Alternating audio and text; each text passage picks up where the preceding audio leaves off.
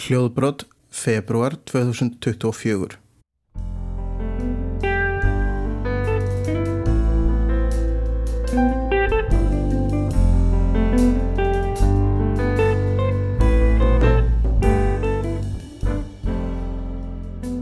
Já, komið sælgóðar hálsar, hljóðbrótsbræður, heils ykkur að vanda. Hlinur Þór Ragnarsson talar hérna frá Selfossi og ásand mér er að vanda Eithór Kampan Þrastarsson talandi frá Aþenu í Greiklandi og við erum með einstaklega góðan gæst í þættunum í dag. Það er teknir ágjafi hjá blindrafélaginu og mætti aflust kalla hann ímislegt fleira ef að hort er á verkefnin sem á hans herðum kvíla en það er engin annar en Baldur Snær Sigursson verður velkomin Baldur og kontur sæl Eithor Takk fyrir. Já, blessaður hlinur og uh, við höfum hugsað okkur aðeins að, að pínan Baldur og, og fá hann til þess að segja okkur aðeins frá því sem að blindrafélagið er, er að gera á svona víguvelli tækninar.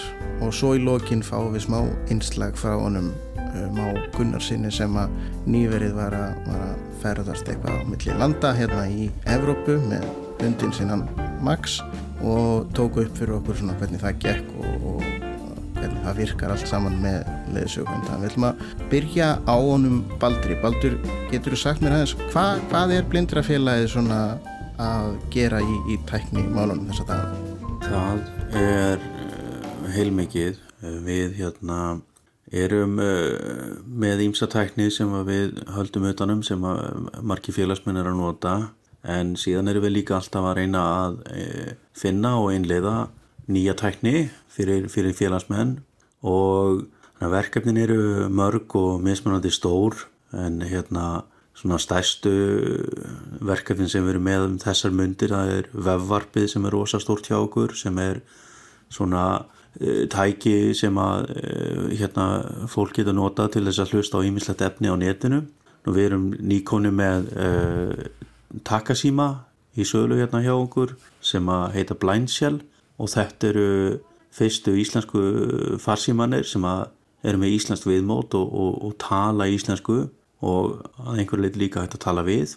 Uh, við erum líka að taka í nótkun uh, uh, annur tæki eins og hérna fjastýringu svona búndalitusfjastýringu fyrir snjálfsím og snjálftæki nú svo er bara ímislega önnu verkefni allt frá því að hjálpa félagsmönnum að hérna finna til dæmis flítilegðir í, í Windows forritum eða bara almennt þjónust að hvernig kveikja á stækkun eða ef veistum forrið sem gerir þetta þannig að það er ímislegt og svo auðvitað fyrir auðvitað öll samverðinverkefnin sem við erum í eh, í kringum máltækni og það er ímislegt sem við erum að vinna með örkjabandalæginu og sveitafélögum og, og hinn og ofinbera þannig að það er fullt af verkefnum í gangi. Þessir blindsjál símar svona, svona við byrjum kannski aðeins á þeim getur kannski aðeins sagt okkur hvað fyrir hverja eru þeir hugsaðir og, og svona Eh, hverjum gætu þeir nýst? Já, þeir eru svona helst hugsaðir þá fyrir uh, þá einstaklinga sem að kannski geta bara ekki tamið sér eða uh, vilja ekki nota þessa snerti snjálfsíma sem að eru hérna flest allir eru, eru með í dag það er bara sjóninu orðin það slæma að, að og, og það getur verið það erfitt fyrir þau að beita snertingu sem að þarf til þess að stýra svona snjálfsíma með til dæmis uh, skjálestri. Þannig að þessi sími er bara svona gamaldags gemsi sem maður segir eins og maður var hérna með bara þegar fyrstu fassíman það voru að koma. Þetta er bara svona takkasími og, og mjög einfaldir í nótkunn með stóru viðmóti. Og þú í rauninni notar hann mest bara til þess að ringja símtöl og auðvitað svara en hann líka getur lesið fyrir þig SMS smáskilabóðin til dæmis ef þú færið áminningu um að mynda þú tíma hjá tannlæktinum í fyrramálið að þá, þá getur hann lesið upphátt skilabóðin fyrir þig. Þannig að fólk sem hann er ekki að lesa á síman sinn að það getur notað blænsil síman líka. Og hann hefur ímins að Uh, möguleika líka. Það er hægt að setja einn svona rað hérna flítilista það er neyðarnappur á honum og uh, það er líka hægt að ná í ímisforrið í hann svona fyrir þá sem að vilja fykta að þá býður hann upp á ímislegt það er hægt að tengja hann við tölvupóst og það er hægt að nota YouTube í honum og svona en, en svona flestir þeir sem eru kannski að fá sér blænsil símana það er bara svona mest til þess að, að geta einfallega ringt í, í, í sína tengiliði og, og hérna fengið þessi smá skilabóð lesin fyrir sig. Þannig að þessi símar eru kannski svona loksins svarið við því sem að ég veit til að margir, að því ég var að vinna líka innan inn í þessum málum og margir voru bara með gamla Nokia síma sem voru bara svona náttúrulega bara í öndunavél svona og reyna að láta að virka. Þannig að þetta kannski er svolítið að koma í staðin fyrir þá síma Já, sem betur fer. Við vorum búin að leita mjög lengi að símum og uh, þessi takkasíma og sérstaklega takkasíma og þessi takkasíma sem er á markanum og þeir Uh, höfðu aldrei náða eða voru með, ekki með íslenskt viðmót uh, og heldur ekki þá íslenska rattir en og voru bara með til dæmis kannski stort viðmót og, og það var ekkert að henda öllum og, og líka á ennsku þannig að við, við vorum lengi að finna uh, síma sem að henda því og, og hérna saminu félaga sem var tilbúin að leif okkur að þýða síman yfir á íslensku og líka gátu sett íslenska röttin í síman þannig að þetta verkefni búið að taka langan tíma og, og hérna, er, er greinilega bót fyrir marga. Þeir sem að er að nota þennan síma eru alveg hæst ánaðir með hann. Mjög ánaðir með, með blænsilsímana hvernig, hvernig getur fólk nálgast þennan e, þessa síma? E, við erum með þessa síma til söglu bara hérna í Veslun blindrafélagsins og, og þeir sem hafa áhuga að skoðan geta bara kíkt hérna neyri í Hamarallí 17 nú síðan eru Eh, örglega ef, ef fólk hefur áhuga á að skoða bara á netinu þá geta það leitað að honum á, það eru örglega til myndbönd á, á YouTube og, og, og upplýsingar auðvitað á netinum. Og þá heitir hann bara Blind Shell en þess að blind skell í einu orði og, og eh, þá er þessi vídeo kannski meirið að minna á ennsku en það er svona, getur fólk séð hvað síminn býður upp á ef, að, ef það heldur sig kannski þekki eitthvað sem að geti nota svona síma á íslensku? Ég er svona smá forvitinn. Hvað, hérna, hvað kostar þessi sími hjá blindarfélaginu? Nú mann ég ekki nákvæmlega verði, ég held að fyrir félagsmenn að þá eru við að selja hann eitthvað ódýrar eitthvað í kringum 63 5, já eitthvað á því byli 65.000 krónur held ég en eh, almennt út úr búð hjá okkur kostar hann held ég í kringum 8-10 ef ég mann rétt En er hann ekkert óðurlegt verð fyrir síma? Nei ekki ekki meða við að fólk er að kaupa sér eitthvað snjálfsíma á 200.000 eh, þá er þetta nú, þetta nú ekki dýr sími sko. En er hægt að fá svona blendsel síma útlutum, veistu það? Ég, ég veit að ekki, ég held ekki. Um, félagar gætu líklega sótt kannski bara um styrk fyrir honum í hjá blindrafélaginu í stöðningur til sjálfstæðis kannski. En, en ég var bara viðkann að ég er ekki alveg inn í því hvernig það væri hægt sko. Ég held að það sé ekki komið inn þannig að hann, hann fást útlutaður þannig að það sé ekki það beint inn út. Sko Blendsel síminn kemur mér nú ekkit alveg spánst fyrir en það var na, starfandi hjá ykkur þegar við vorum að skoðan og svona, gera svona fyrstu þýðingar og testa á honum. Og þú varst einmitt svo góður við okkur Baldur að þú tókst upp smá svona, svona síni dæmi þar sem þú vart að fara aðeins í gegnum viðmótið og símanum og þannig við getum left hlustundum að heyra eins og bara röttina og, og svona grunnvirknina í símanum sem við spilum hérna eftir að við sleppum því lausum út í guðskræna náttúrun aftur. Uh, en já, ég held að við svona, það má ekki vannmeta hversu brín þörfin var einmitt fyrir síma af þessari gerð, góðan aðgengilegan takkasíma með stóru viðmóti, góðum tökkum og sem gáttu talað og risa plus samt eila möst að hann talaði íslensku líka. Þannig að mér finnst þetta bara frábært að hann sé komin í gagnið. Og er, veistu sirka svona grófa tölu hvað eru margir komnir með svona síma í nótkunn núna? Ég held að sé um uh, eh, 15 sem eru búin að kaupa síman hérna hjá okkur. Við vorum með eh, svona hitting hérna fyrir í, í, hérna, í vetur þar sem við böðum þeim sem höfðu keift síman til að koma og hitt okkur og svona aðeins að hafa svona jafningafræðslu og stuðning. Og það voru nokkri sem mættu og, og, og fólk er ennþá bara að læra á síman og er að bara svona fykta í honum og sumir eru lengra komnir á meðan aðrir eru bara sáttur við það að hafa fengið síma sem er einfalt að svara í og ringjur og segir þeim hvað klukkan er á íslensku. Þetta er svona back to the basics, ég fæ svona smá nostalgíu tilfinningu með þarna að þessum konum er góðan taka síma aftur. Já, það, það var svolítið sérstaklega þegar maður var að æfa sig, þú veist, að skrifa inn SMS smáskilabóð með gamla mátan að, að þegar þú ert að skrifa, þú veist, þú nota tvo til að, ítið tvís var á tvo til að skrifa B og, og, og svo framvegis og hérna, það var svona komin aftur í gamla daga gem, Þessi færðin ennþá, Já, þessi færðin ennþá til staðar. Man eftir, man eftir því að, að skrifa SMS einmitt með, með því að íta á, á tölustafina. Já, nota talnaborðið.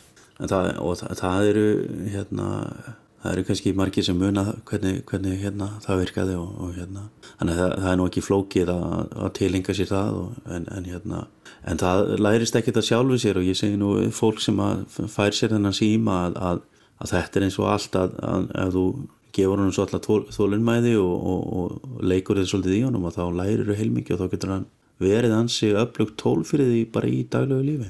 Já, og hann náttúrulega grundurinn í þessu náttúrulega er að þessi sími er samt sem áður hugsaður út frá þörfum blindra og sjónskestra þannig að öll svona app sem þú sækir í hann eins og fyrir tölvupóst og, og annað slíkt, þetta er alltaf svona hugsað út frá þörfum blindra og sjónskestra Nákvæmlega og allar aðgerðir í símanum eru þannig gerðar að, að, þeir sem eru blindir og sjónskertir og, og hafa tilinga sér að nota tækni þeir ættu alveg að finna sér heima í símanum og, og að nota hann. Stórfínt, stórfínt, bara, bara virkilega gaman af þessu verkefni. Og við fáum að heyra smá svona síni dæmi úr hvernig símin virkar frá Baldri uh, ögn síðar í þættinum. En punktaletur sem er kannski eh, ekkit endalaust að fá eitthvað svona nýjungar á, á sinn markað hérna á Íslandi fekk heldur betur svona öfluga viðbót þar inn, þar segja fyrir þá sem eru ekki með blind shell síma heldur eru að nota hefðbundin snjáltsíma en þarna með þessari punktaleiturs fjárstýringu þá kemur aðeins svona önnur, önnur leið á að nota síman og ef til vill á til að skrifin á hann líka er það ekki? Jó, þetta er svolítið skemmtileg fjastering uh, og fjastringin heitir Heibul og uh, þetta er svona mjög létt uh, fjastring sem þú getur bara haft í vasanum og þetta er svona þetta hefur áttan hnappa uh, hún er framsett með sex hnöppum eins og punktaletrið, þá ertu með punta frá 1 til 6 og svo ertu með tvo auka stýrinappa vinstra og hægra megin við. Og þú getur stýrt snjálfsímanuðinum algjörlega með þessu liklaborði eða þessari fjastringu og líka nota hana til að skrifa inn í síman á puntaletri þannig að í staðin fyrir að nota hreyfi aðgerðir uh, að strjúka með tveimur og þreimur fingurum hér og þar um síman leita að, einhverja þá getur nýtt þér að, að vera uh, með fjastringuna frekar í höndunum fyrir fram að þau leita hrætt að forritinu sem þú ert að finna skrifa þinn skilabóð og síðan læst símanum aftur. Þannig að, þetta, þetta getur verið uh, mjög hendugt tól uh, fyrir þá sem að vilja nota snjálfsíma en eiga kannski líka erfitt með, með fín hreyfingarnar í, í, í hérna með fingrunum að þá getur þessi fjastring virkað, virkað mjög vel fyrir þá líka. Og svo er þetta bara hvetjandi fyrir fólk að læra punktaletur að, fólk hefur fengið þessa fjastringu til að prófa og, og um leið og þú ert með hann í höndunum og byrjar að skrifa þá getur þú byrjað bara að prófa áfram byrju hvernig ger ég bókstafin A? Og þá getur þú uh, svona bara gert prófanir á, með fjastringunni og, og svona þá læri maður smátt og smátt og síðan eru flítilegðir í símanu líka sem eru bókstafir til dæmis að þá getur þú ítt á há til að fara inn á heimaskjáin og þannig að, að þetta getur líka bara verið hvetjandi fyrir, fyrir notendur að læra punktaletrið, þetta getur verið góðu byrjunareitur fyrir, fyrir, fyrir þá sem hafa áhuga á að læra og tilengja sér punktaletur. Og þá getur þetta verið ágætis byrjunareitur að svona kynna sér það. Þetta þjálfur auðvitað ekki færnina í, í, í punktaletus lestri en það þá kannski kemur setna auðveldar ef þú veist hvernig stafrófið er? Já, ég get alveg myndið mér sko, ég hef alveg prófað að skrifa á snjálfsíma með skjálestri og ég, ég hef alveg verið fljótari að skrifa SMS, við skulum bara ekkert fara neitt lengt með það. Þannig að ég get svona alveg vel ímynda mér að þarna sé búið að taka kannski punktaletrið sem er, hefur kannski svona já það, það eru kannski fleiri sem getur tilengar sér það heldur en hafa verið að gera það undanfærin kannski 10-15 ár.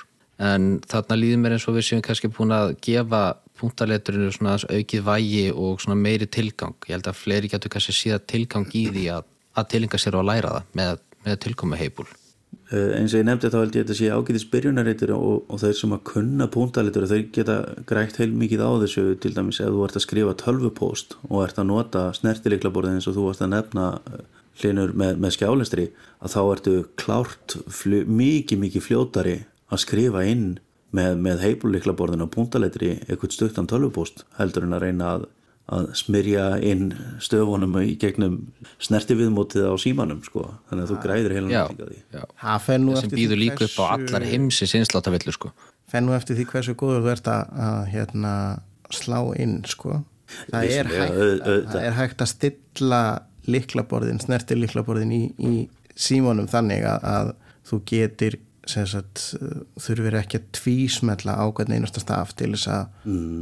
til þess að uh, stafirnir byrtist og í að minni reynslu þá er það í raunni uh, alltaf betra vegna þess að stundum þegar að maður er reynin að skrifa inn og er neittur til þess að vinna hægar heldur en svona kannski maður er að hugsa orðin sem maður er að setja inn mm -hmm. uh, þá, þá ert í rauninni fljótari ef þú nærða tilenga er það að sagt, lifta fingurinnum af skjánum í staðins að, að, að hérna, tvísmella á hvern staf En þarna nefndur það eiginlega sjálfur að þetta er svolítið bara persónulegt hvaða tæknið þú tilengar þér hvar þjálfarið þig mest og, og, og hvar finnur þú það sem að þér hendar best að nota. Það er svolítið það sem þetta snýst um með og, og stundum er einmitt það sem að hérna, bremsar svolítið notendur blinda og sjónskerta er að leita að leiðum. Það er svolítið líka það sem að mitt, mín vinna fælst í er að hjálpa fólki að finna leiðir til þess að uh, hérna, já, nota tæknina, hvað hendar best? Er, er það puntariltis leiklaborð eða til dæmis eins og ég, þegar ég fer á ráðstöfnir eða fundið, þá er ég bara með síman með mér og svo kannski vennilegt utanáleikjandi blátanleiklaborð til að taka punta það. Það henda mér miklu betur heldur en að vera að taka með með fartölvu. Þannig að, að þetta er líka mjög personlegt hvað fólk tilenga sér í, í þessari tækni en möguleikanir eru margir. Já, og þetta þarf eftir við líka með svolítið bara að valdefla fólk til að fá einstaklingin til að þóra að prófa sig áfram? Algjörlega, ég er alveg sammála, sammála því. Og þetta snýst svolítið um að, að fólk þóri svo litið um, að því að uh, þetta getur verið flókið og það er auðvitað, þetta er, þetta er kannski ef fólk horfir á þetta og, og, og eh, utan að og, og þá sér það kannski bara fjallið og það er bara alveg rosalega hátatna upp en þú ert ekki að fara þangað í einu skrefi. Þetta er allt lítil skref og allir geta lært ef þú bara hefur smá þólinnmæði og vilja til þess að leggja af stað í ferðina. Þá, þá getur þú komist á toppin en það mun taka tíma en það er allt í lægi líka. Já, en svo er það vefvarpið baldur, blindrafélagi búið að vera með vefvarpið núna í alveg þó nokkur ár en ég held að segja alveg þess virði að spjalla um það? Og hvað er líður eins og vefvarpið sé búið að vera til staðar í svona hundrað ár. Ég, ég, man, ég man ekkert hvað við vorum að gera áður en vefvarpið kom, ég er búin að steng gleima því. Það voru bara allir í myrkrinu. Já, það er náttúrulega sko vefvarpið kom hingað fyrst 2012-2013 eh, eru fyrstu vefvarstækin að koma. Og þau náttúrulega voru algjör og heru algjör bylting fyrir marga. Um, að geta nálgast efnið í gegnum vefvarpið um, hefur bara breykt uh, lífi margra einstaklinga og, og bara þáttöku þeirra í bara samfélaginu. Uh, ef ég bara segja aðeins hvað vefvarpið er fyrir þá sem ekki vita þá er þetta vefvarpið er í rauninni bara svona lítil tölva sem er tengt við netið en hún hefur engan skjá, liklaborð eða mús. Og til að vafra í gegnum vefvarpið þá notar þau örf á að takka á tækinu og í vefvarpinu getur þú nálgast efni eins og þú getur hlustað á textalesturinn í sjónvarpinu. Það er þá línuleg dagskrá uh, og það sem er í gangi hjá RÚF hverju sinni. Þannig að ef þú ert að horfa á bíómynd á RÚF getur þú kveikt á vefvarpinu og stilt inn á textalesturinn. Og þá les vefvarpið fyrir þig textan sem er að koma upp á skjáinn í rauntíma. Þannig að þá gætt fólk byrjað að fylgjast með sjónvarpinu aftur og sér ekki textan en þú heyrir hann og þá getur þú bara verið með heyrnatól uh, við hliðina á eiginmanninu með eiginkonunni og, og þarf ekki alltaf að vera að spyrja hvað sagðan því að þú sér ekki textan Þannig að, að, að fjölda hjónabanda held ég. Algjörlega. Og, og, og þetta er það sem er held ég hvað mest notað um, af, af okkar notendum og það er, er textalesturinn í sjónvarpinu. Nú það er líka tenging við, við hljóðbókasafnið og, og hérna flestir okkar eða ég held að allir okkar skjólstæðingar hérna hjá blindrafélaginu hafa aðganga hljóðbókasafninu og þar getur þú panta hljóðbækur og hérna áður fyrir að þá fegst alltaf senda hérna gömlu snældurnar eða, eða geisladiskana Eh, en núna færðu bara bækurnar beint í tækið og streymir þar yfir netið og, og hérna þar eru komnar bara innan við mínútu í tækið þitt. Þannig að fólk hefur aðgangað öllu, öllu hljóðbókarsafninu í gegnum tækið við erum með uh, mikið annað efni, þú veist, þú getur hlustað á útastöðum var, við erum byrjað að setja inn íslenska hlaðvarpstætti það er hellingur af hlaðvarpum, það er allir konum með hlaðvarp í dag. Eh, við erum komin með við erum með beinar útsendingar og af viðbörðum og fundum í salnum hjá, hjá okkur. Og við hefum líka verið með beina sjónlýsingar í, af íþróttaviðbörðum við vorum með landsleikina hjá uh, Kvenna og Karlaliðinni í beinum útsendingum í, í, í veðvarpinu í fyrra og ég rekna með að það verði aftur reynda að gera það á þessu ári og síðan er aðgangur að ímsu fréttaefni, fréttamiðlum uh, sem eru bara á netinu og þá getur fólk fengið sömu fréttir og aðrir þegar að þeim hendar að, að hlusta og lesa fréttinar. Þannig að vefvarpi hefur... Og að óglindum tónleikum sem að hafa nú verið stremtir að það gegn líka. Já, alveg rétt. Við verðum beina útsending á tónleikum. En svona í sögulegu samhengi, bara svona endilega, ef þið getur hjálpað mér að muna það, hvað voru við að gera áður en vefvarpi kom til sögunar? Hvað, það voru náttúrulega snældurnar og diskarnir fyrir sko fyrir uh, frá hljóðbókasafninu, það voru valdar greinar á, á geisladiskum en var aðgengi aðeins og fréttum og öðru slíku, það var þá bara ekki til staðar. Það er alltaf bara í, í útvarpi og sjónvarpi eins og hérna eh, eins og aðrir hafa verið Já, það, en ég held að það sé alveg alveg örugt að segja það að til dæmis þessi tímaritt og, og svona ímislegt sem er í bóði í vefvarpinu, það var bara ekki fyrir uh, þann notundahóp sem að vefvarpið er kannski hugsa fyrir sem er kannski svolítið svona hópurinn sem að allavega upphafi var hópurinn sem að, sem að er ekki að einhverju leiti að nýta sér tölfur einhverjum ástæðum. Og það var held ég fyrir þennan hóp mjög erfitt að verða sér aðgengilega út um uh, tímaritsgreinar og svona aðra hluti sem að aðrir eru kannski að sækja á netið eða lesa eins og í, í morgumblæðinu. Já, þú, það var bara oft mjög erfitt fyrir það að nálgast efni sem þú hafðir áhuga á. Það var alltaf einhver einstaklingur sem þurfti að útbúa það fyrir þig. En, en núna... Já, þú varst aldrei að skoða þetta á þínum eigin forsendum, á þínum eigin tíma, á þínum eigin hraða. Nei, nákvæmlega. Og, og, og, og í gegnum vefvarpið við höfum bara, ef að fólk hefur komið óskir um að uh, fá aðgang eða einhverjum bloggsíðum eða, eða einhverjum, hérna, einhverjum hlaðvörpum að ef það er aðgengilegt þá bæti við í inn.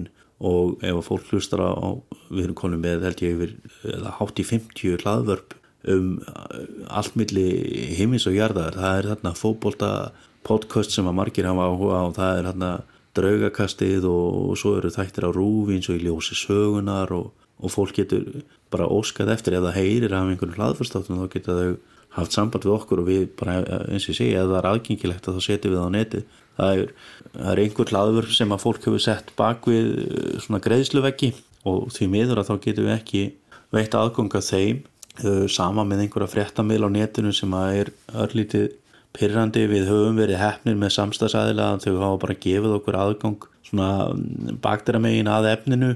Uh, morgumbladið hefur til dæmis lætur okkur hafa allt morgumbladið og, og er ekki að, að rukka notendur vefafsins fyrir það. En, en við erum ennþá að reyna að ná sambandi við til dæmis miðla eins og heimildina um það hvort að þeir séu tilbúinir að veit okkur uh, aðgang. En uh, það hefur ekki tekist en þá við, það er svona eitt af því sem við erum alltaf að reyna að gera það er að finna fólk og, og, og fyrirtæki til að vinna með okkur í þessu.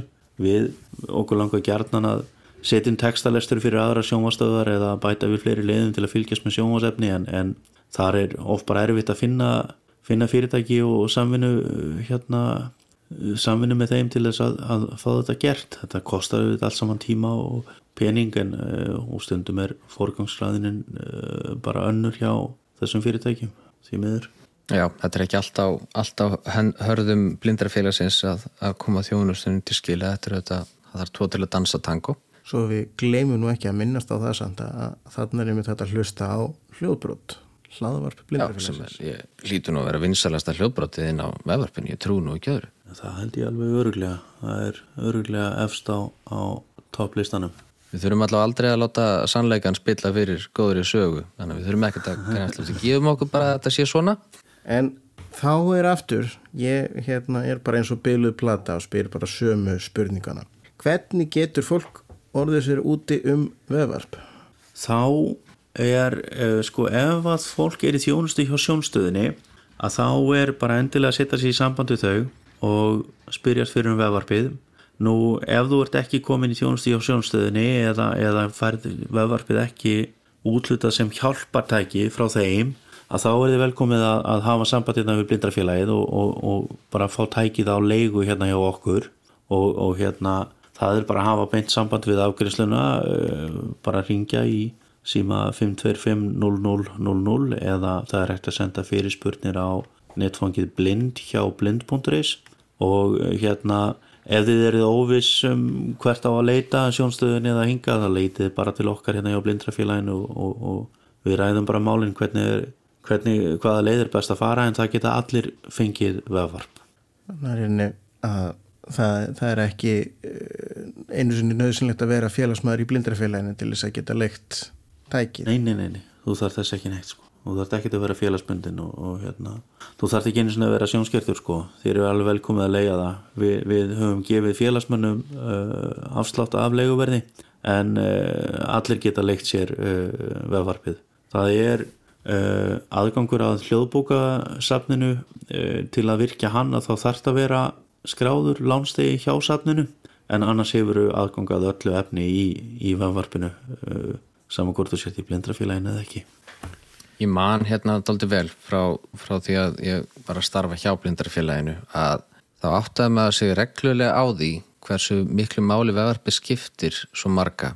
En það var að ef eitthvað beilaði í vefarpinu þá fór símin á skrifstofunni alveg á miljón. Já. Og það er máli, ef öllum er sama þá lætur enginn vita en þarna var greinilega engum sama því að það letu allir vita það er bara mjög gott við uh, og ég treysti óalega mikið á notendur að segja frá því ef einhvað kemur upp á því að uh, það er í, í, í sko 98 til 99% tilvika þegar einhvað kemur upp á að þá er ákveðat ekki bílun í tækinni hjá notenda þá er það einhver staðar í þjónustinni það er ef að hérna, streymið hjá rúf virkar ekki að þá er ekki tækið þitt bíla þá er það yfirleitt streymið hjá rúf sem er bílað og, og uh, þannig að ég segja alltaf við fólk að bara endilega ringi og láta okkur vita því við erum náttúrulega ekki að hlusta endilega á allt efnið í vefvarpinu á öllum tímum. Þannig að við erum mjög þakklátt fyrir að heyra frá því að, að, að ef einhver bíl er í gangi þá viljum við auðvitað laga það sem fyrst. Og, og þá er kannski, eru við kannski svolítið búinir að ræða svona það helsta sem að blindrafélagið er að bjóða upp á svo er náttúrulega alltaf gamla góða hjálpatækja verslunin í, í hamrahliðinni á skrifstofunni það sem er ímestett forvetnilega talandi uh, eldúsvógir og ég veit ekki hvað og hvað þarna mæli skeiðar með uppleiftu letri og hitt og þetta sem að, sem að verðt er að skoða ef, að, ef fólk þarf að, að uppfæra heimilisbúnað hjá sér. Uh, en svo náttúrulega er annað risastórt verkefni sem að er íslenska máltakni áallunin nú er bara svolítið langt síðan ég sjálfur tók svona gott stöðu tjekk á því hvernig hún gengur. Þannig ég ætla bara að grýpa gæsina núna og, og fá það bara beint í æð frá þér. Hvað, hvað er að frétta af íslenskum máltækna áallinni? Já um, eins og þú að þá var ég ekki búin að frétta mikið í, í ansi langan tíma uh, hvað væri að, að gerast? En svo vil það til að uh, ég er bóðaður að funda morgun þar sem að ég er að fara að heyra tillögur vinnuhóps fyrir máltækni á allum tvö. Og það er þá að kynna skýslu fyrir stöðuna held ég eins og hún er í dag og um, tillögur um áframhald en uh, máltækni áætlunum hefur verið svolítið á ís finnst mér persónlega eftir fasa 1 og uh, maður hefði svolítið vilja að sjá aðeins meira gerast í þessu. Uh, það var búið að vinna ágætis forvinu og verkfærakassin var orðin ágætur eftir, eftir fyrsta fasa. En svo vantar áframhald. En við höfum grætt svona ímislegt á fasa 1 uh, eins og uh, við loksins erum með íslenska talgilsrött í Android styrkjarunu og uh, hún er ágætt, hún virkar þokkalega, það er rött frá Google sem er þá uh, svo kvöldu native rödd eða hún er í rauninni bara innbyggð í talþjónustu Google. Uh, hún er alls ekkit fullkominn en hún er afskaplega fín og, og, og góð byrjun og auðvitað vonum við eftir því að eða vonustu til þess að, að það verði haldið áfram að laga framburð og ýmislegt annað með hana. Uh, Microsoft komið með fyrstu tvær rættinar inn í, inn í sín kerfi sem heita Gunnar og Guðrún og, og hérna það er það sama það, það er ágætis byrjun en það er ekki svo kallar svona kórrattir þannig að það er ekki komnar alveg inn í stýrikerfi en þú getur notað þær í office hugbúnaði til að láta lesa upphátt fyrir þig í íslenskuna. Og, og það virkar ágætlega en það er ekkit voðalega gámaðar er til dæmis kunna ekki að bera fram prósendumerki eða, eða marga skamstafanir það er í rauninni þá bara bladra í gegnum þær. Um, en sé, þetta, þetta er allt saman einhvern megin svona ágætis byrjun en svo finnst manni vanta svolítið að það sé ítt á eftir og, og það sé meiri stöðningur við þessi verkefni og, og hérna, meira unnið í þessu. En uh, já, þetta er svona eins og ég segi, þetta, þetta fór ágætlega af stað en mér finnst þetta að hafa bremsað svolítið og hefur, maður hefur lítið heyrst af þessu finnst mér undarfarið ár.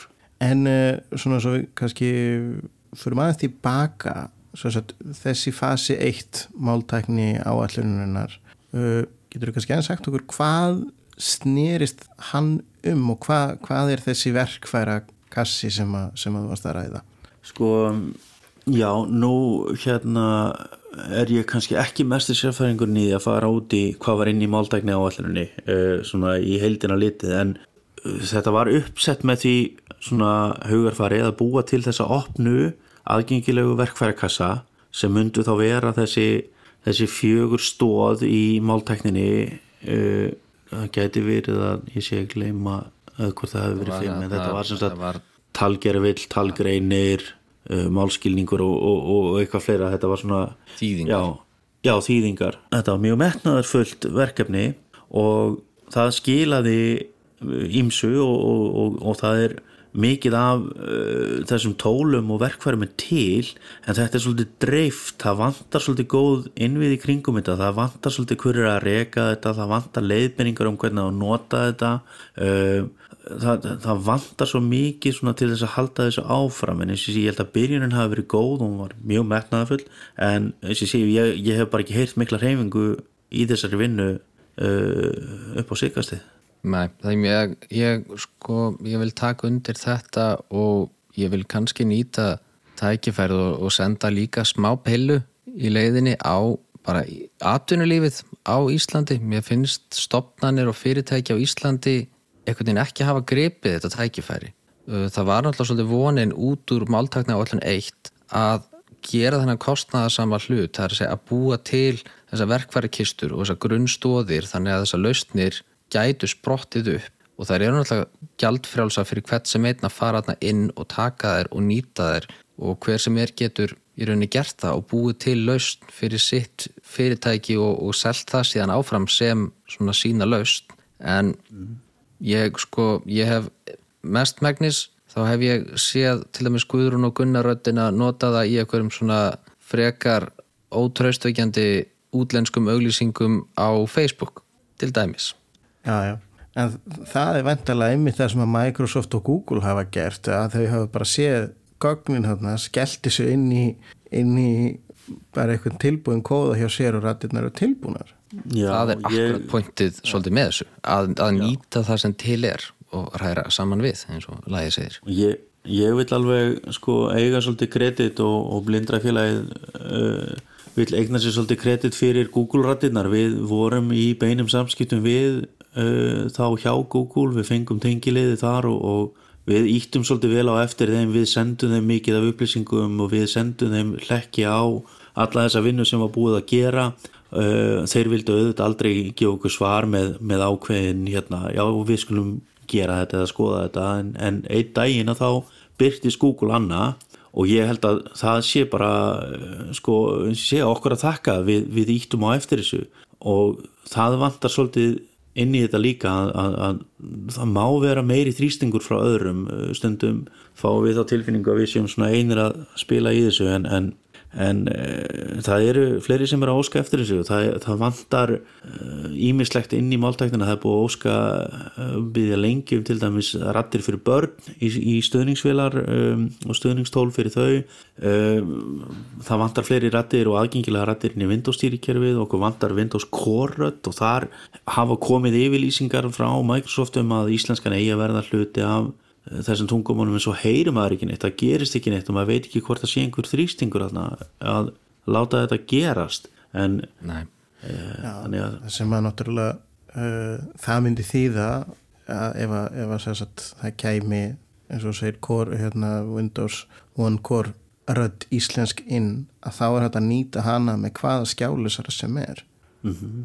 og sem að, sem að myndi þá í rauninu bara um, leysa máli og þá er ekki þörf fyrir til þess að setja annan talgerfil upp og þá er það í rauninu orðið frítt fyrir hvern sem á tölvu og getur annarkvárt nota narrator sem er innbyður inn í Windows eða sett upp NFTA sem er frítt nota fría, frían talgerfil íslenskan inn í röttinni og þá ertu rauninu bara á sama leikvelli og, og allir hinn þarf bara að kaupa tölvuna. Já, já og það er auðvitað það sem við erum svolítið að íta á eftir er að fá þetta inn í kjarnastillingarnar bara í þessum uh, leikil hugbúnaði, leikil stýrikerfum sem er í gangi eins og Android og, og, og Windows og, og svo auðvitað Apple með iOS og fleira en, en þar höfum við ekkert heyrt neitt og uh, sorglegt að segja ég á ekkert vonaði að heyra neitt en, en ég var í afskaplega gladur ef einn daginn þá kæmi bara uh, íslensk inn í Apple vörur Það en, er uh, þess virði að nefna það samt að uh, Íspík-talgerillin sem er einmitt líka inn í NFDA er sem sagt það búið, það tók bara held ég einhver tók þann kóða sem var opinn, bjóð til Íspík forrið fyrir iOS og nú er hægt að nota Íspík á íslensku og lesa íslenskan texta á internetinu og lesa uh, skilabóð á íslensku. En það sem að vantar núna er í rauninni bara viðmótið. Íslands punktur er inni. Það er hægt að nota uh, e-speak sem að þýðir þá í rauninni fyrst að, að Apple eru búin að opna á það að það væri hægt að búa til aðra rödd. Þeir, þeir eru búin að opna á það að þú getur búið til talgeril að þriðjaðili geti uh, komið með talgeril sem er hægt að nýta uh, inn í voiceover sem er skjálisar enn í Apple Og það náttúrulega finnst manni svolítið eins og að blindrafélagið á ekki að vera eini þrýstingsaðilinn og sjá, þú veist, vera eini aðilinn sem sér sér hagið því að Apple stýrikerfið er þið þýtt yfir íslensku. Það er rauninni pínu galið að það sé, já, maður alltaf sér ekkert af því að það sé neitt að beita alveg þrýstingi einmitt fyrir því. Nei, það lýsa auðvitað eins og hann segir, það lýsa allir vilja fyrir því að styðja íslenskuna vel en við erum bara ekki að beita nægilega miklum þrýslingi á þessu fyrirtæki og þessa tækni tækni hvað sem er tækni geirandi þess að setja þessu lausnir inn. Ég get sagt ykkur líka þann sem að er svona um, stórt stór verkefni sem eru framöndan hjá okkur sem að mér finnst að vera svona byrjunarskrefi núna. Það er uh, hérna til dæmis aðgangur að stafræðni þjónustu. Eh, það er aðgangur hrafarinn um skilríkjum eða aðgengi að þessum þjónustum og, og sem að virka þá fyrir sem flesta eða alla. Og síðan er það sem er að færa svo mikið í aukana er að, að e, það er hérna, svindla á netinu í kringum það.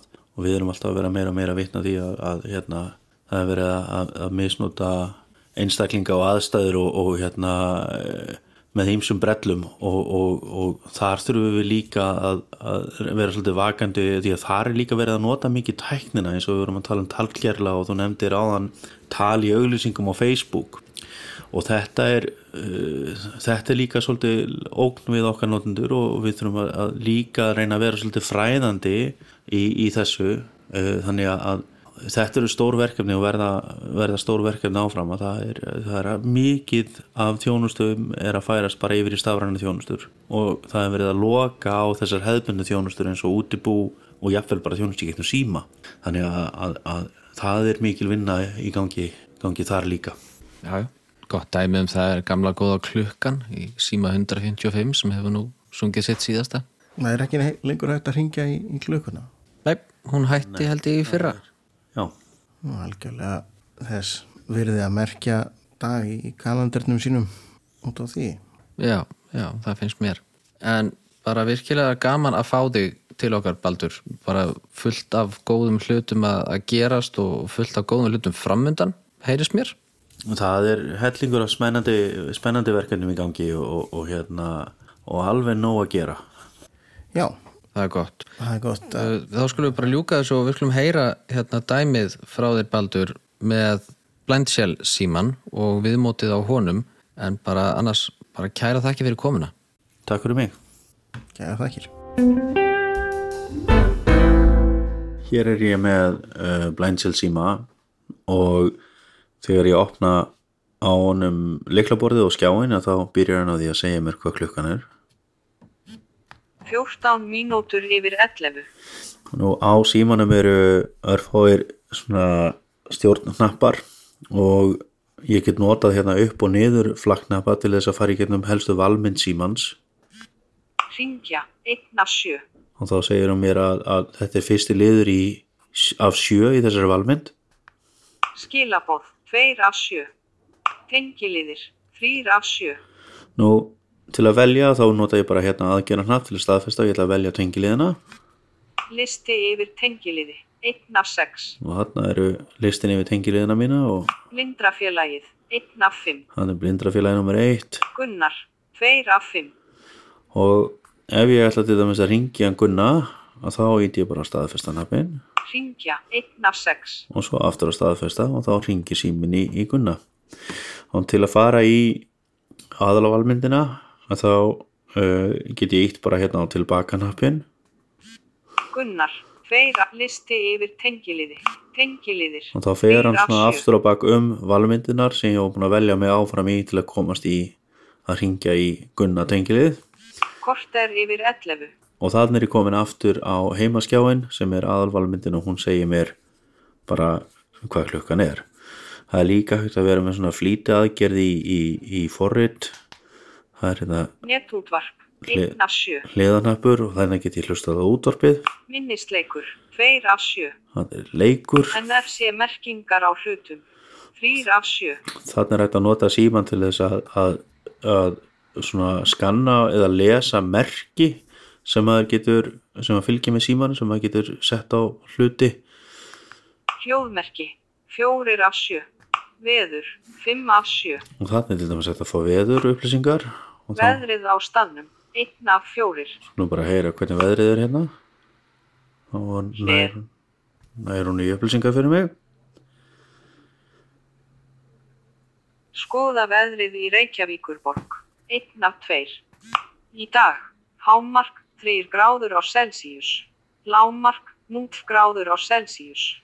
Motera terræn, 1 af 3 og þannig sé ég að það er bara þryggja gráði hitti að mestu og svo er hérna regningaský en þetta er sem sagt svona nokkrir möguleikar í blandsilsímanum og, og hérna hann er til sölu hérna hjá blindrafélaginu.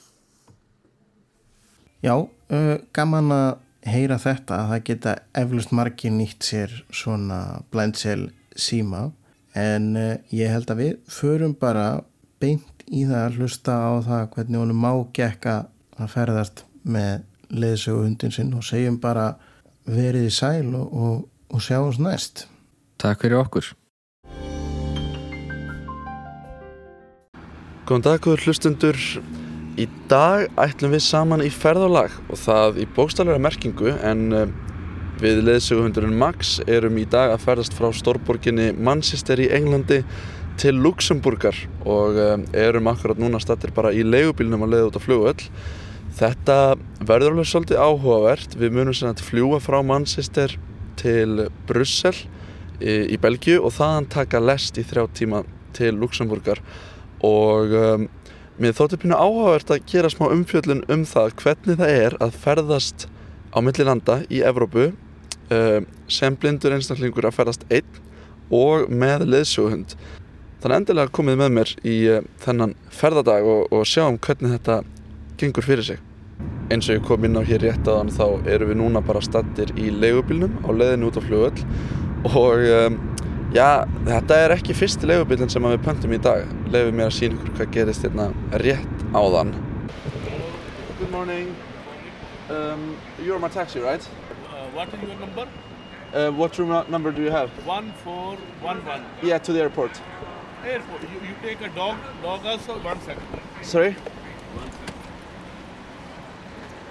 It is a, it is a service dog. Yeah, I know. But uh, you is is is total thirty pound. You pay by cash? Uh, by card. Sorry, I don't have a. I don't have a, a system, but uh, take a card. If you like, uh, on the way ATM machine, I take you over there.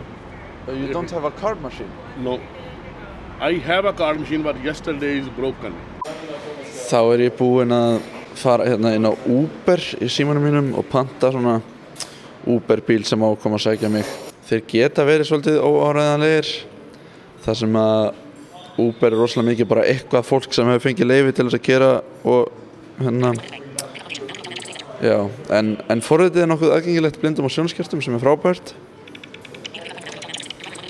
og uh, sími minn er einmitt að segja mér núna að að bílinn er eina mínútu í burtu uh, og uh, Uber er eins ódýrara en venlulegu bíl þannig að ég gæti panta mér hérna Uber Comfort fyrir sama verð og þessi hinn legubílirna sem að var síndist, mér bara ekkert eitthvað rosalega þægilegur svo sem.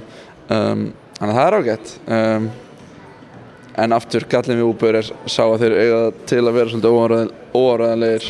Ó, heyrðu, 0 mínútur í burtu þá er eins gott bara að fara að koma sér út ég ætla að senda mér að skilabóð og byrja hann um að koma koma fyrir utan the main entrance could you come in front of the main reception please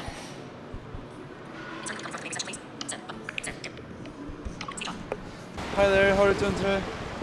Yeah, it's me going to the airport. Uh, could you press the passenger seat forward, please? I'll just put him on the floor behind your passenger seat. The front one, yeah? Yeah, yeah. If you press it all the way forward, Forward, yeah. yeah, I'll just put him on the floor behind behind it. That's fine. Thank you very much. Já, maður spyr sig, var þessi kall í rauninni með bilaða, svona, hvað, heit, hvað kallast þetta? Já, bilaðan posa eða var hann kannski bara að reyna að finna finna eitthvað til þess að losna við það að þurfa að keira blindan mann og leiðsöguhund við fáum eflust aldrei svarið við því þá erum við mættir hér á flugullin og um, ég hef aldrei komið inn í þetta terminal áður þannig að það fyrsta sem maður þarf að gera er alltaf að reyna átt að sjá því hvað maður heyrir. Heyri ég í einhverjum svona það er eitthvað píp hérna? Mér sýnist, já ég get farið bæði áfram og til vinstri og til hægri. Ég held að innröðunarborðin mér heyrist fyrir eitthvað svona tal og svona fyrir fram að mig og mögulega eitthvað svona eitthvað, eitthvað, svona törsku pröfum þetta bara Oh, hi there. Do you need any help? Um, could you maybe point me in the direction to this check-in of uh, Brussels Airlines? Yeah? Do you want to come this, this way? You help? It is quite slow for our usual pace. I need your passport, please. Yeah, no worries. There you go. Thank you. I've sent all the documents over regarding the dog, so that should all be Yeah. should all be good. You just going to Brussels only, yeah? Uh, just me and him, yeah. Okay. Just maybe one second, okay? sure. Just wait for a minute here. Oh, there's a seat blocked. There's a seat blocked off next to him. Yeah, that sounds correct. Yeah. Do you need anyone to help you to go through security? No, it's okay. Can you just tell me which direction is security? Okay, so you follow this way. Just Yeah. wait for a minute, okay? No, it, it, I'm coming back through. so is right, it, is it you just... straight, Yeah? It's this direction. Yeah, And- just take yeah? straight direction Yeah. because they got the assistant name, but I will tell them. No, it, it's fine. But but is the is the security in which direction? Is it just down Yeah, here? Yeah, they got the assistant name for the for you. But uh, do you need anyone to help you? No, no, it's fine. So I'm just saying like Because we don't have any gate number yet. I don't know which gate number yet, so it's I can't. it's okay. Yeah. But is is the so okay? So security is in this direction. Yes. Yes, perfect. Thank you so much. Yeah. Um, you Great. just straight. Yeah. If you want I to, if got you it. want to wait, I'll, I don't mind walking down with you. Oh, it's You uh, sure? it should be fine. Yeah. Yeah, yeah, so I walk down with you. It's fine because it's not far. Um, because I need to let them know as well. Okay, sure. if you Yeah, want. yeah, yeah. Little bit right. Heidi. You just right, Heidi. right, Heidi. right hand Max. side. Heidi. Here. Yeah. Okay, just stop here. You hold this one. I can't bring you Yeah. the It's all good. I'm good from here. Thank you. assistant service. Assistant service. Yeah, Uh, because he needs an uh, escort as well. uh, he said he don't need it. Uh, it's fine. I can go. He needs an escort. He's not like he wants to. No, he needs to go ABM. Yeah, because uh, yeah. Sorry. Say again. a member of ABM needs to escort you in. Why do they need to escort me? No, because we Because don't you're know traveling which with your gate is. dog, and At some point, you need to take care of the dog and put your bags in. So Uh, I am taking care of the dog. Sorry. yes, but the bags as well. I'm taking the care of the back You as well. You won't be able to do them both at the same time Of when you're course. gonna load. Of course. What do you mean? Um, can you scan this, please? You need to scan this, right? You sure you don't want any assistance? Yeah, thank you. I'm good. Uh, Firebait, assistance dog can go through with the passenger without being in a cage. Of course, you can't go through without being a Okay. case. What kind of professionalism is this? Okay. All right. Thank you. I was just Yes, making sure, yeah. sir. Thank Thank, you. you very much Okay. for your. Þá erum við mættir, ég og Max, hérna við hlið A9 og þetta gekk nú bara ágætlega en eins og þið sáu þá er starfsfólkið doldið svona stjórnsamt hérna og svona var að reyna að þröngu upp á mig alls konar hlutum sem að ég kom alveg til skila, ég þyrfti ekki á að halda. Um, en síðan hitti ég alveg ágætis fólk hér á leiðinni, bæði farþega og að svo sem annar starfsfólk sem var rosalega uh, elskulegt og í rauninni gerði það sem að var að mínum mati rétt, býður manni aðstof kurteislega, spyr bara ok, hvað get ég gert fyrir þig? Um, og vísaði mér bara til vegar með ágætis leiðalýsingum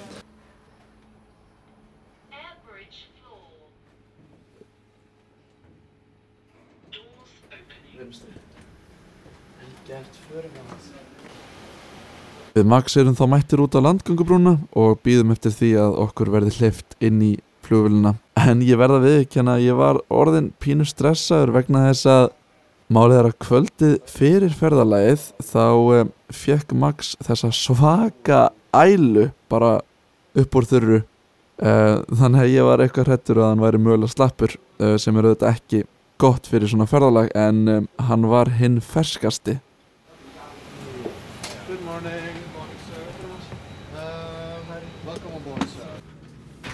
Nú erum við sagt sestir, ég sitt hér í miðjunni og hann Max setur uh, á gólfinu og við höfum sagt gluggasæti og miðjusæti fyrir okkur.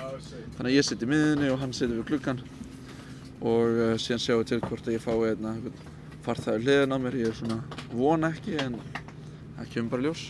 Við Max erum hér komnir til Brussel og þetta Jésús, þetta var ekki ég að reyka við, heldur lestin fyrir aftan mig um, en uh, það var smá ævintýri að uh, finna sko lestastöðuna á flugvöldunum í Brussel og uh, fara það niður finna réttu lestina þetta á Brussel Nord sem er þá ein svona aðal helsta lestastöðin í Brussel.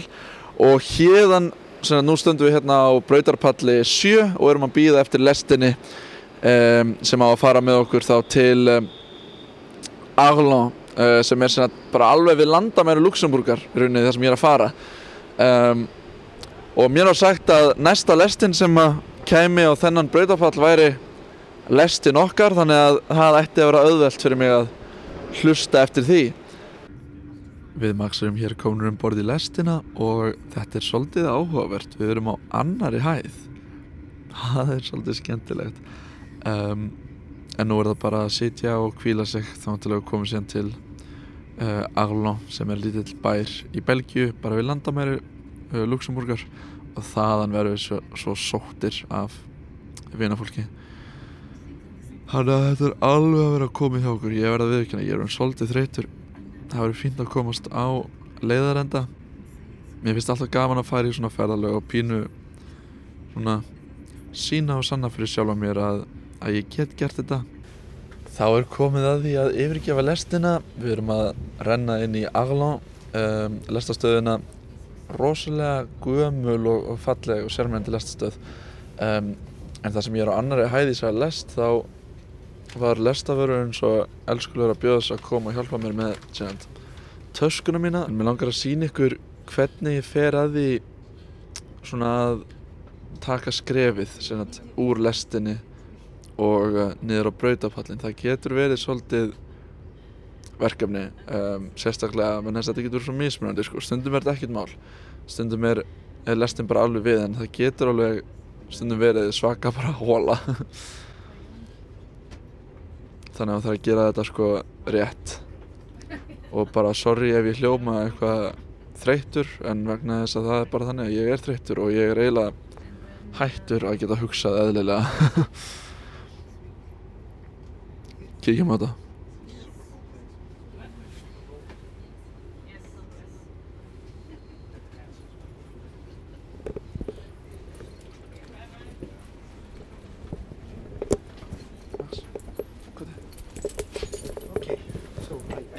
Thank you very much. Out to the left or right? Uh, as you wish. No, it It's doesn't the matter. same. Yeah, you can go right. So. Okay. Yeah. Must hide it. Closer from the door here. So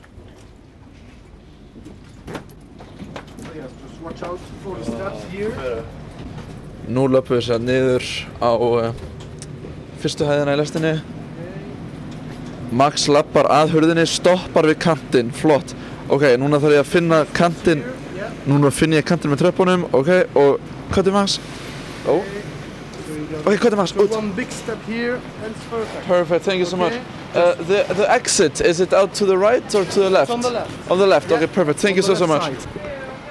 Þar heyrum við kunnulega rödd kalla til okkar á brautarpallinum en hún Mónik er komin til að sækja okkur Max og uh, það er svolítið merkilegt að hann þekkt hana alveg úr sko góðri fjarlægð. Þetta ferðalag er því senn á enda hjá okkur og uh, myndi ég segja bara að gekka mestuleiti rosalega vel. Hér í lokin langar mig örlítið að nefna þó svona ferlið á baku það að bóka svona ferðalag með leiðsöguhund. En uh, maður bókar bara miðan vennulega í gegnum netið uh, og hefur síðan samband við viðkomandi flugfélag og lætur vita af því að maður sé að ferðast með leðsugahund flugfélagin fara þá fram á ákveðin skjöl til þess að sína og sanna það að þetta sé leðsugahundur sem að hefur farið gegnum viðjöndi þjálfun.